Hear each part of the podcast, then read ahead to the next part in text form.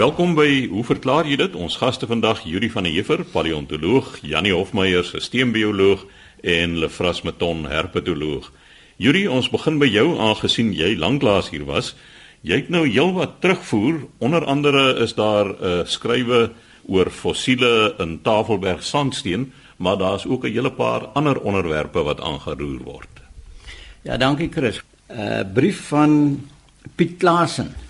En hy verwys na 'n vorige bespreking wat ons gehad het toe uh Piet Elof 'n uh, hele uiteensetting gegee het van uh hoekom mense jag, hoe wildboerdery werk uh na aanleiding van 'n brief van Piet Klaasen en ehm um, Piet het 'n hele verduideliking gegee en 'n regverdiging gegee vir die feit dat daar nog jagters is en uh, mense wat diere doodskiet en hy het 'n baie elegante verklaring gegee dink ek want dit het gebaseer op die feit dat dit 'n boerdery is dat uh, daar geld uitgemaak word dat van die ramme wat uitgeskiet word die sogenaamde trofees wat geskiet word is ramme wat gewoonlik al in die trop hulle gene versprei het sodat die aanteel daar is.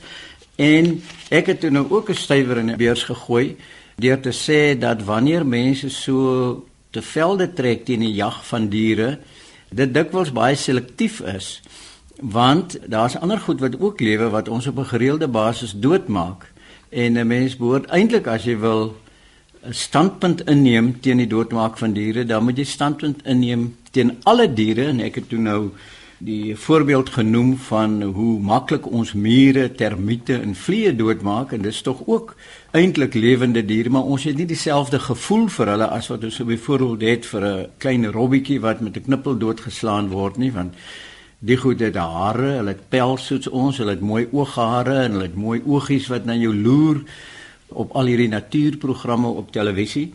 So my punt was dat 'n mens as jy wil te velde trek hierteen moet jy eintlik alle lewe in ag neem. Ons plant grane aan op groot skaal en dan maak ons die graan dood en ons eet dit en dit is ook lewende organismes. Nou die brief wat nou gekom het van Piet Klaasen van Stellenbosch, hy sê beste Chris, ek wil net vir jou en jou span dankie sê dat julle my stuk oor jag so gebalanseerd bespreek het. Nou sê hy, sê vir Yuri, ek gee vir vliee 'n lesing as ek hulle doodslaan. Dit soos Vlieg, ek is baie jammer ek gaan jou doodslaan. Maar jy het gekies om hier in die kombuis in te kom. En terwyl jy baie beter af is daar buite in die natuur. Ek is baie jammer, maar jy gee my geen ander keuse nie. Dit herinner my so 'n bietjie aan die rolprente van uh, Clint Eastwood waar hy die rol van Dirty Harry vertolk en dan wanneer hy nou die boef 'n keuse wil gee om hom aan te val en hy staan met sy groot revolver daar dan sê hy altyd vir hom make my day. So ek kan ek kan sien dat Piet nou so optree teenoor die vlees. So uh, baie dankie daarvoor. Chris nog geskrywe van Wick Hamilton Atwell van Hermanus waarin hy sekere aantuigings maak. Hy sê môre Chris, hy luister altyd na jou program en die verklaarders en as dit verklaarders in aanhalingstekens nou in my boek beteken dit so iets wat half sarkasties is.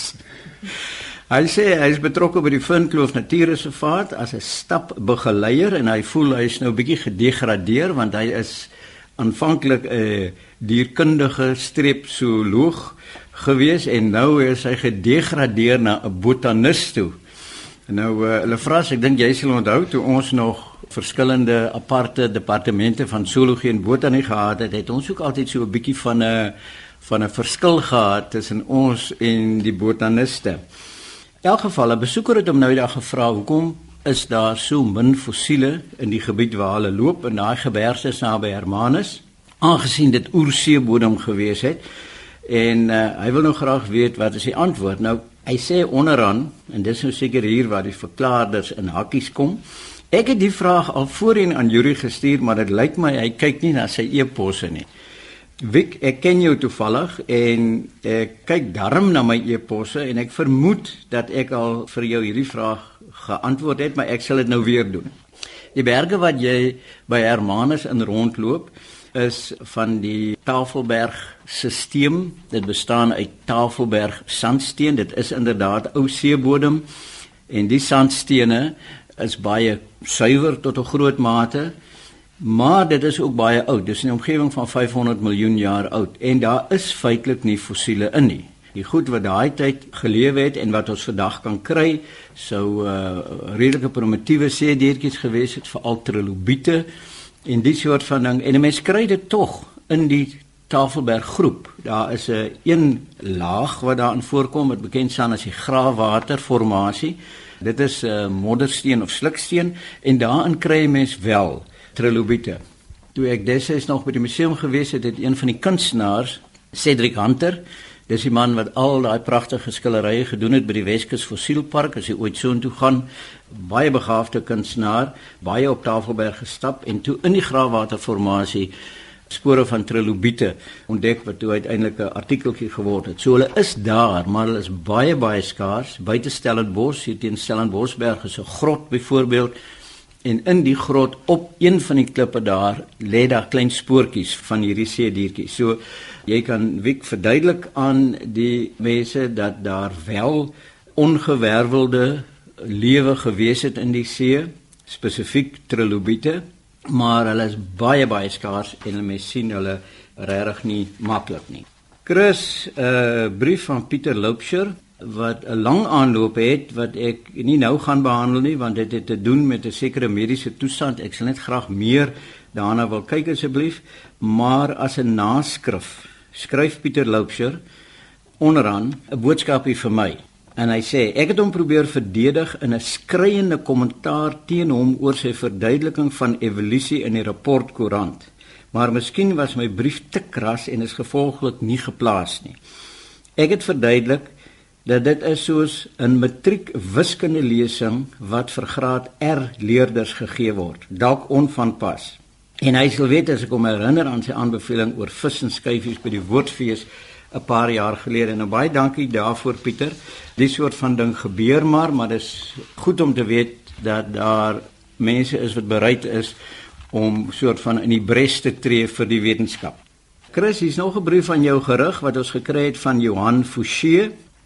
Hy is van Newcastle en hy sê hy het 'n stukkie klip opgetel in die Royal National Park op 'n uitstappie en dit lyk vir hom soos 'n fossiel van 'n klein paddaatjie. Ek weet nie of die fonds enige waarde het nie en hy sal dit graag wil skenk as dit 'n fossiel is.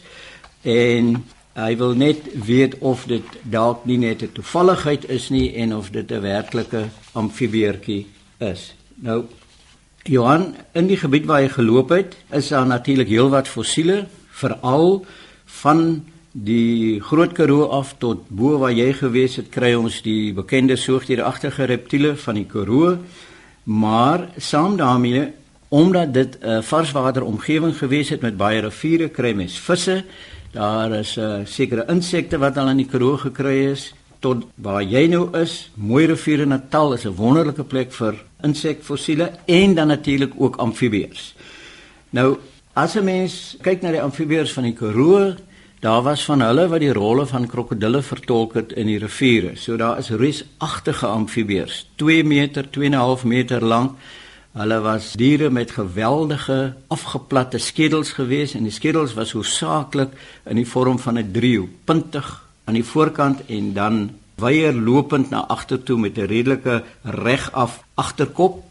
En As 'n mens nou van die fossiele in die veld kry, is die skedels gewoonlik die goed wat jy die maklikste raak sien. Maar om dit te identifiseer as 'n fossiel, het 'n mens sekere anatomiese kenmerke nodig. Ek wil nou nie sê dat daar nie binne in die klip wat jy gestuur het dalk 'n fossiel kan wees nie, maar ons kan nou net hier kyk na die uiterlike voorkoms en jy het ook gesê dat die fotos is nie baie baie goed geneem nie. Wel, die fotos is redelik goed geneem moet ek sê, maar as ons nou net kyk na die anatomie wat ons verwag as dit 'n amfibieërskedel is. In die eerste plek is mense verwag dat dit in 'n moddersteen of 'n sluksteen voorkom en nie in sandsteen nie want die foto wat jy saamgestuur het lyk nogal na sandsteen. So dis die eerste ding wat daar teen tel. Amfibieërs is en aardig en die Karoo amfibieërs self dat daar geen uitwendige spiere aan die kop gewees het nie. Ons as soogdiere het 'n hele klomp spiere aan die skedel en waar so 'n spier teen die been lê, is die been gewoonlik glad. Waar daar geen spiere is nie, kry mens dikwels dat die oppervlakte van die been vol holtetjies is. Amper asof jy nou die uitveer van 'n potlood gebruik het en 'n plat stukkie klei daarmee bedruk het, dan sien jy so 'n klomp holtetjies.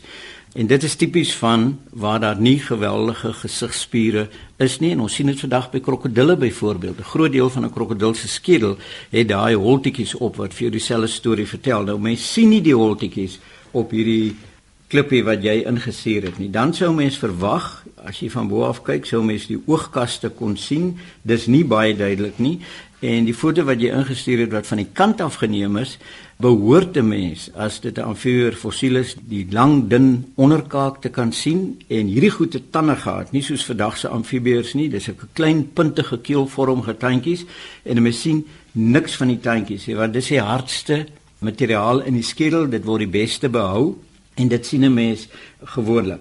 So die goed wat ek kan aflei van die foto af en ek wil herhaal, ek kyk nou na 'n foto lyk dit asof dit nie 'n fossiel skedeltjie is nie, so ek stel voor jy sit hom op jou kaggelrak en as jy braaivleis hou, is dit iets om oor te gesels. So sê Yuri van der Heever, ons paleontoloog. Jannie, jy het net soos Yuri ook heelwat terugvoer ontvang en onder andere oor die vraag wat ons onlangs behandel het oor plastiek waterbottels wat induik wanneer jy water daarin vries. Ja, Chris. Dit was 'n vraag geweest van Nico Kuhn en dit was op grond van 'n waarneming wat hy gemaak het as hy nou 'n bottel op daai stadium nie gesê hoe vol nie, maar as hy 'n bottel vol water maak en hy vries dit in die vrieskas, so 'n plastiek bottel dan hy gesien dit duik in. Ek het voorgestel dat dit waarskynlik die gevolg is van die feit dat hy nie die bottel heeltemal vol maak nie, dat daar lug in is en ons weet dat lug die krimp as dit vries en water sit uit as dit vries, maar as die lug meer krimp as wat die water uitsit, dan gaan mens 'n duik in die bottel kry en ek het hom toe gevra wat presies het hy gedoen? En hy het geantwoord dat hy presies dit waarneem wat ek gesê het. As hy die bottel heeltemal vol maak dan swel die bottel uit. As hy die bottel oop hou dan gebeur daar niks. En as hy die bottel net 3 kwart vol maak soos wat hy gewoonlik gedoen het dan duik die bottel in. So daar het ons nou die antwoord. Proefondervindelik bewys dat uh, as daar te veel lug in die bottel is dan gaan hy induik Kus die vraag wat ek graag wil beantwoord, mens skryf vrae van allerlei plekke af. In die geval kom dit uit my eie familie uit, van my dogter Nel wat nou die aand om een of ander rede na sy tande geborsel het, 'n glas lemoensap gedrink het en toe by my kom klaar dat dit nou regtig, daar's iets fout met die lemoensap want dit proef verskriklik sleg, sê sy. Bitter en glad nie meer soet soos wat dit veronderstel is om te wees nie. Dit was my 'n bietjie vreemd en ek het nie geweet of dit nou maar net iets met die lemoensap was nie, maar toe ek gaan rondkrap het, toe kom ek agter maar dit is werklik 'n effek effek wat eintlik tot 30 minute kan voortduur na mens nou jou tande geborsel het en dit is nog 'n interessante storie van waar die effek vandaan kom. Nou dit spruit natuurlik uit een of ander chemikalie wat nou in die tandepasta voorkom. En meeste van tandepastas het hierdie spesifieke verbinding in.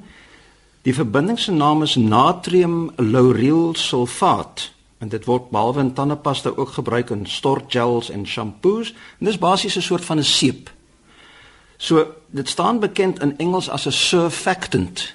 Nou ek het gaan soek vir 'n Afrikaanse woord vir surfactant, maar my woordeboeke sê daar's nie so 'n woord in Engels nie. So daar is so 'n woord in Engels. Dit kom uit surface active reactant. Surface active reactant. So in Afrikaans is dit miskien 'n oppervlakaktiewe verbinding. En hierdie verbindings is interessant. Dit is dieselfde soort van verbinding wat ons in ons selmembrane kry. Dit staan bekend as amfipatiese verbinding. So dit is eintlik so 'n verbinding met 'n lang stert en 'n kop. Nou die kop is polêr. Dit wil graag met water assosieer, so dit los in water op. Die stert is olierig. Dit is 'n lang koolwaterstofketting en die wil glad nie met water assosieer nie en sal dan eerder oplos in vette en olies. En natuurlik word sepe is voorbeelde van sulke amfipatiese verbindings want dan los die vetoplosbare gedeelte in die veiles op en dit breek die veiles op en so doen dan kan dan in klein partikels, vesicles of miselle opgeneem word en dan verwyder word. Nou hierdie natrium lauryl sulfaat is so 'n verbinding en hy tree nie net as 'n seep op nie, dit kan ook 'n benattingsmiddel wees of 'n emulsifiseerder of 'n skuimmiddel, dispersiemiddel, maar spesifiek in tandepasta is dit daar omdat dit skuim want dit verlaag die oppervlakspanning van jou speeksel en dan kry jy nou die lekker skuim as jy jou tande borsel. Maar die probleem is dat lauryelsulfaat omdat dit dieselfde soort van verbinding is as die fosfolipiede wat nou in selmembrane voorkom, het 'n effek op die selle waar die smaakreseptore in jou mond voorkom. en dit versteur die selmembrane en blykbaar wat gebeur is dat spesifiek die reseptore wat soet, die soetsmaak herken, die word geïnhibeer sodat hulle werking nou belemmer word en jy kan nie meer so lekker die soetsmaak waarneem nie. Aan die ander kant het dit 'n effek dat dit die bitter smaakreseptore se aktiwiteit opstoot. Eintlik hulle word geïnhibeer en die inhibisie word opgehef. Hulle word normaalweg geïnhibeer deur die fosfolipiede en die laurylsulfaat die hef die inhibisie op. So jy het twee effekte, een wat die bittersmaak verhoog en die ander een wat die soetsmaak onderdruk. En die gemeenskaplike effek daarvan is dat jy nou hierdie baie bitter smaak kry van lemoensap nadat jy jou tande geborsel het. Mens kan dit vermy natuurlik deur 'n tandepasta te gebruik wat nou nie hierdie laurylsulfaat bevat nie, maar wel 'n verbinding wat die skuim kan veroorsaak. En daar is heelwat tandepastas wat dan 'n verbinding bevat met die naam van glycyrrhizin. Nou die vreemde naam kom natuurlik dan van die bron van hierdie verbinding af. Dit is die plant waaruit hierdie verbinding geïsoleer word, Glycyrrhiza glabra, wat soethout is. In Engels licorice. Dis die wortels daarvan, licorice root, is die bron van hierdie verbinding glycyrrhizin. 'n Interessante verbinding, hy's omtrent 30 tot 50 maal so soet as suiker, tafelsuiker of sukrose. En dis ook 'n amfipatiese verbinding. In die geval noem hulle dit 'n saponien wat emulsifiserende eienskappe het en dan ook hierdie skuim eienskappe. So tandepastas wat nou hierdie verbinding in het, die gee nou nie die slegte smaak aan nie om een of ander rede want mens sou verwag dat dit dieselfde moet optree maar blykbaar doen dit nie aan die lemoensap nie. In teenstelling met die lemoensap blykbaar is appels die proe beter as jy jou tande geborsel het. Daar's geen rede wat ek kon vind hoekom dit so is nie, maar luisteraars kan dit gaan probeer. Te sien of die appels lekkerder smaak. So Daar is nou die storie van die lemoensap. Moenie lemoensap drink na jou tande geborsel het nie eerder voor die tyd, maar dan is daar blykbaar weer 'n ander storie dat Jurie het net nou gesê ons het al in 'n vorige program daaroor gepraat dat uh, dit nou weer die emalje van die tande verswak en jy moet versigtig daarvoor wees, maar dit Jurie kan miskien net 'n kommentaar daaroor lewer. Ja, ja nee, dit was 'n klompie jare gelede van dikwels ma's wat baie gesondheidsbewus is, die voer hulle kinders vrugtesappe. En dan eh, as jy vrugtesap drink, dan is dit natuurlik gekonsentreerd. En die bewering of die bevinding na die toetse was dat wanneer jong kinders, emalje is waarskynlik dunner nog op hulle tande, vrugtesap gedrink het, dan penetreer die sure van die vrugtesap die emalje en dit maak dit relatief sag. So as jy dan onmiddellik daarna tande borsel, dan kan jy die emalje beskadig. So die bevinding was dat wanneer jy jou kinders vrugtesap gevoer het, moet hulle nie hulle tande borsel vir ten minste 'n halfuur na die tyd nie tot die emalje weer kans gekry het om te herstel. Lyk my mens moet maar teruggaan na die ou dae toe hulle as, houtas gebruik het om tande te borsel. Jannie sal die as is mos maar net minerale toevoeging, maar dit sal nie al die neeweffekte hê nie. Nee, dit gaan nie neeweffekte hê waarskynlik nie, maar dit gaan ook nie lekker proe nie en dit gaan beslis nie skuim nie. En ek dink die ouens wat hulle tande met as gesmeer het, het nie vrugtesap gedrink nie. Hulle het nog die beeste se bloed gedrink. So, hoe ver wil jy teruggaan? nou ja, kom ons laat dit daar. Dit was dan Jannie Hofmeyer wat gesels het oor lemoensap wat sleg smaak as jy dit drink net nadat jy jou tande geborsel het. Laas dan hier word Lefras Meton ons herpetoloog en Lefras, jy het ook terugvoer as bron vir jou bydrae vanoggend. En dit gaan oor bosduwe teenoor kraansduwe. Ja, Chris, lyk my ek en jy is die skuldiges volgens Abri en Marita de Tooi. Ons het verwys na die kraansduif dat ons dit ken as bosduwe en hulle sê nee, ons is die mekaar bosduif is die met die geel bek wat vrugtevreters is en wat ons sê is 'n bosduif is 'n kraansduif. Nou ja, ek onthou uit my kinderdae, 'n bosduif is die met die rooi kring om die oë en ek ken hierdie geelbek bosduwe baie goed, veral hulle is volop hier in Stellenbosch hier teen die eerste rivier, veral in die olyfbome hierdie tyd van die jaar. Maar ek het tog nou maar net wou gaan kyk, was ons nou verkeerd? En Ek weet in my vroeë dae, toe ek jonger was, het ek baie aan voëls belang gestel en ek het gaan kyk na my ou Roberts Birds of South Africa en dit is inderdaad daar staan baie duidelik bosduif vir die kraansduif Columba guinea. So Roberts se boek, dit is nog altyd 'n gesaghebende boek en hulle het die amptelike naam was bosduif en nie kraansduif nie. En daar is dan na die geelbek bosduif wel verwys as die geelbek bosduif ook daardie tyd al. So ons was reg en ek dink die nuwe bronne sal waarskynlik almal daarna verwys die rooi oog een as kraansduwe. Ja, Lefras, ek kan bevestig die bron wat hulle daar gebruik is Sasselson en ek het homself ook en hulle gee die geelbek een aan as 'n bosduif en dan nou die een met die kring om die oog as 'n kraansduif maar ek dink dit was maar gebruik gewees om beide die duwe toe ons nou nog kinders was as bosduwe te bestempel. Ek kyk nou net hier so ek het ook soos my vriend Dave Peppler het 'n baie oulike app op my selfoon van die Roberts, die geelbek bosduif en dit is die Afrikaanse naam was altyd in Engels bekend as 'n Rameron pigeon. Hy word nou genoem die African olive pigeon en jy het presies gesien dat hulle in die olyfbome boer hulle. So die nuwe naam is ook nog 'n Afrikaanse geelbek bosduif. Ja, hier in Robert se boek, die ou boek nou staan dat hy baie keer genoem word die olyfduif omdat hy hierdie voorliefde vir olyf het. Maar Chris, dit bring ons by die probleem eintlik met volksname. Dit is mooi die volksname, maar dit kan baie verwarring skep wanneer veral as daar streeks verskille is in die gebruik van hierdie name. Nou is daar wêreldwyd hierdie poging om ook te standaardiseer wat volksname betref. So mes gewoonlik die genusnaam sal nou wees die Kraansakedus. Pseudocodylus is nou Kraansakedus. En dan sal jy die verskillende spesies sal nou wees die plat Kraansakedus of die blouoog Kraansakedus, maar dit raak 'n vreeslike lomp affære. En wat my bekommer is dat mens daardie pragtige streeksname gaan verlore in die proses as ek nou net dink aan akedisse hierdie in Namakoland is so 'n blou stert enetjie. Hulle noem hom die perdewaantjie. Nou dit is so mooi van die skinke potlekkertjies. Nou al daardie mooi name gaan verlore, maar dit is seker nodig dat mense oor dieselfde ding kan praat. Ek is so bly jy opper dit nou want dis iets wat my baie na aan die hart lê en ek probeer altyd vir studente sê leer die wetenskaplike naam, die Engelse naam en die Afrikaanse naam. Want as jy by visse kom, jy gaan vang vis by Clifton, dan vang jy 'n dassie. En dan gaan jy af na Stilbaai toe, dan vang jy presies dieselfde vis, maar dan sit 'n kolstert, want hy het daai mooi swart kol op sy stert. En ek dink nie 'n mens moet ek sê Samuel, mens moenie standaardiseer dat al hierdie mooi name verdwyn nie. 'n Mens moet net jouself bietjie oopmaak en bereid wees om nog iets by te leer want mense sal vir jou sê maar die wetenskaplike name is te moeilik vir my. Nou vra jy vir hom, "Wat is daai plant wat daar in jou tuin groei?" Dan sê dis 'n bougainvillea. Dit is die wetenskaplike naam.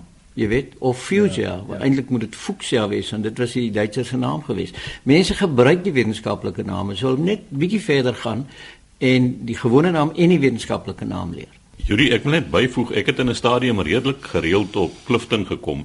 Ek het nooit iemand daar sien visvang nie. my my Yuri, jy's reg, dit is en dit een van die hoofdoele gewees van wetenskaplike name is sodat dit wêreldwyd na 'n spesifieke organisme kan verwys. Almal weet waarvan jy praat. Ja. Yeah. Dan het ons ook terugvoering gekry van Anton Nel oor die slang storie. Die mense hier van George was nou bekommerd oor swart mambas wat nou daar is en hy sê net as die Adidas so vinnig hulle gebied kan vergroot, is dit dalk moontlik dat die slange dit ook kan doen.